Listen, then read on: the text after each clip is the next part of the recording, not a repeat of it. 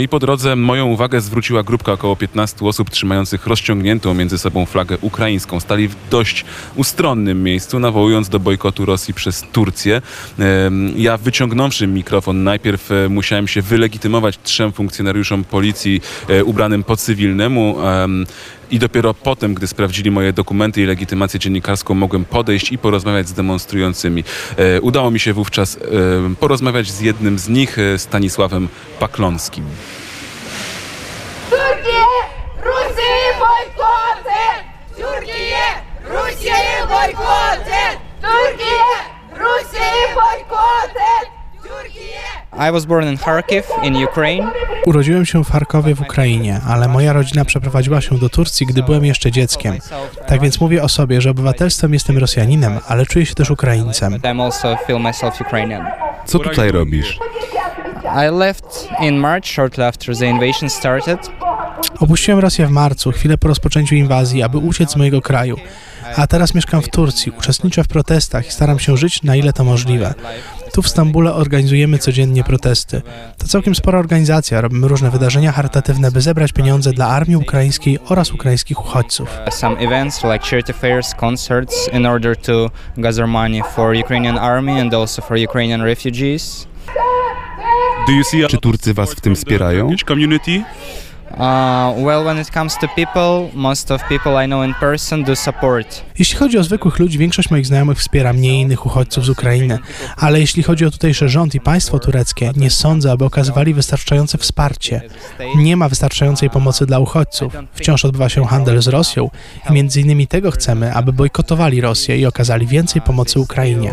Uh, keeping up with trading goods with Russia, and uh, that's what we're demanding them to do to boycott Russia and to provide more help to Ukraine.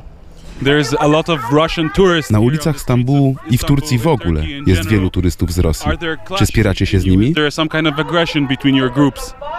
Uh, yeah, definitely. Uh, there are sometimes there are some provocations. Tak, zdecydowanie. Czasem dochodzi do prowokacji lub po prostu rosyjscy przechodnie wykrzykują w naszą stronę prowokacyjne i obraźliwe słowa.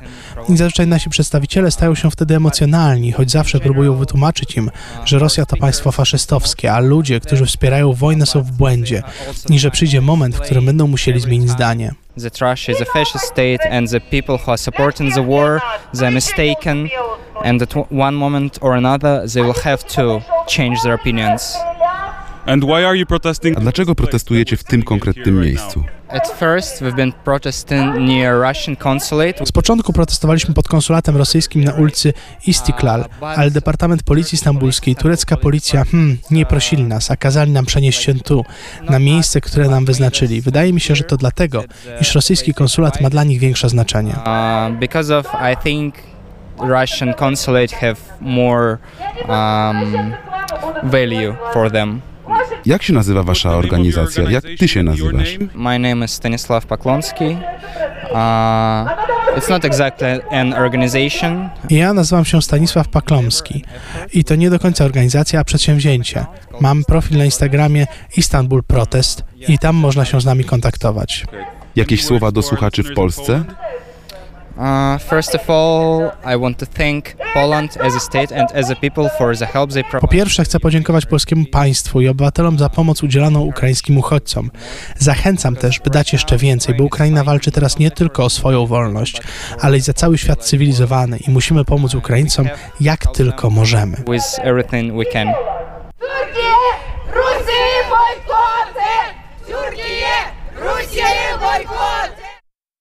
W Paklomski, jeden z uczestników protestu, które, które odbywają się w Stambule codziennie o godzinie 15, więc jeżeli chcecie wesprzeć e, Ukraińców e, tu mieszkających, tutaj protestujących, możecie do nich dołączyć w pobliżu hotelu Marmara Pera.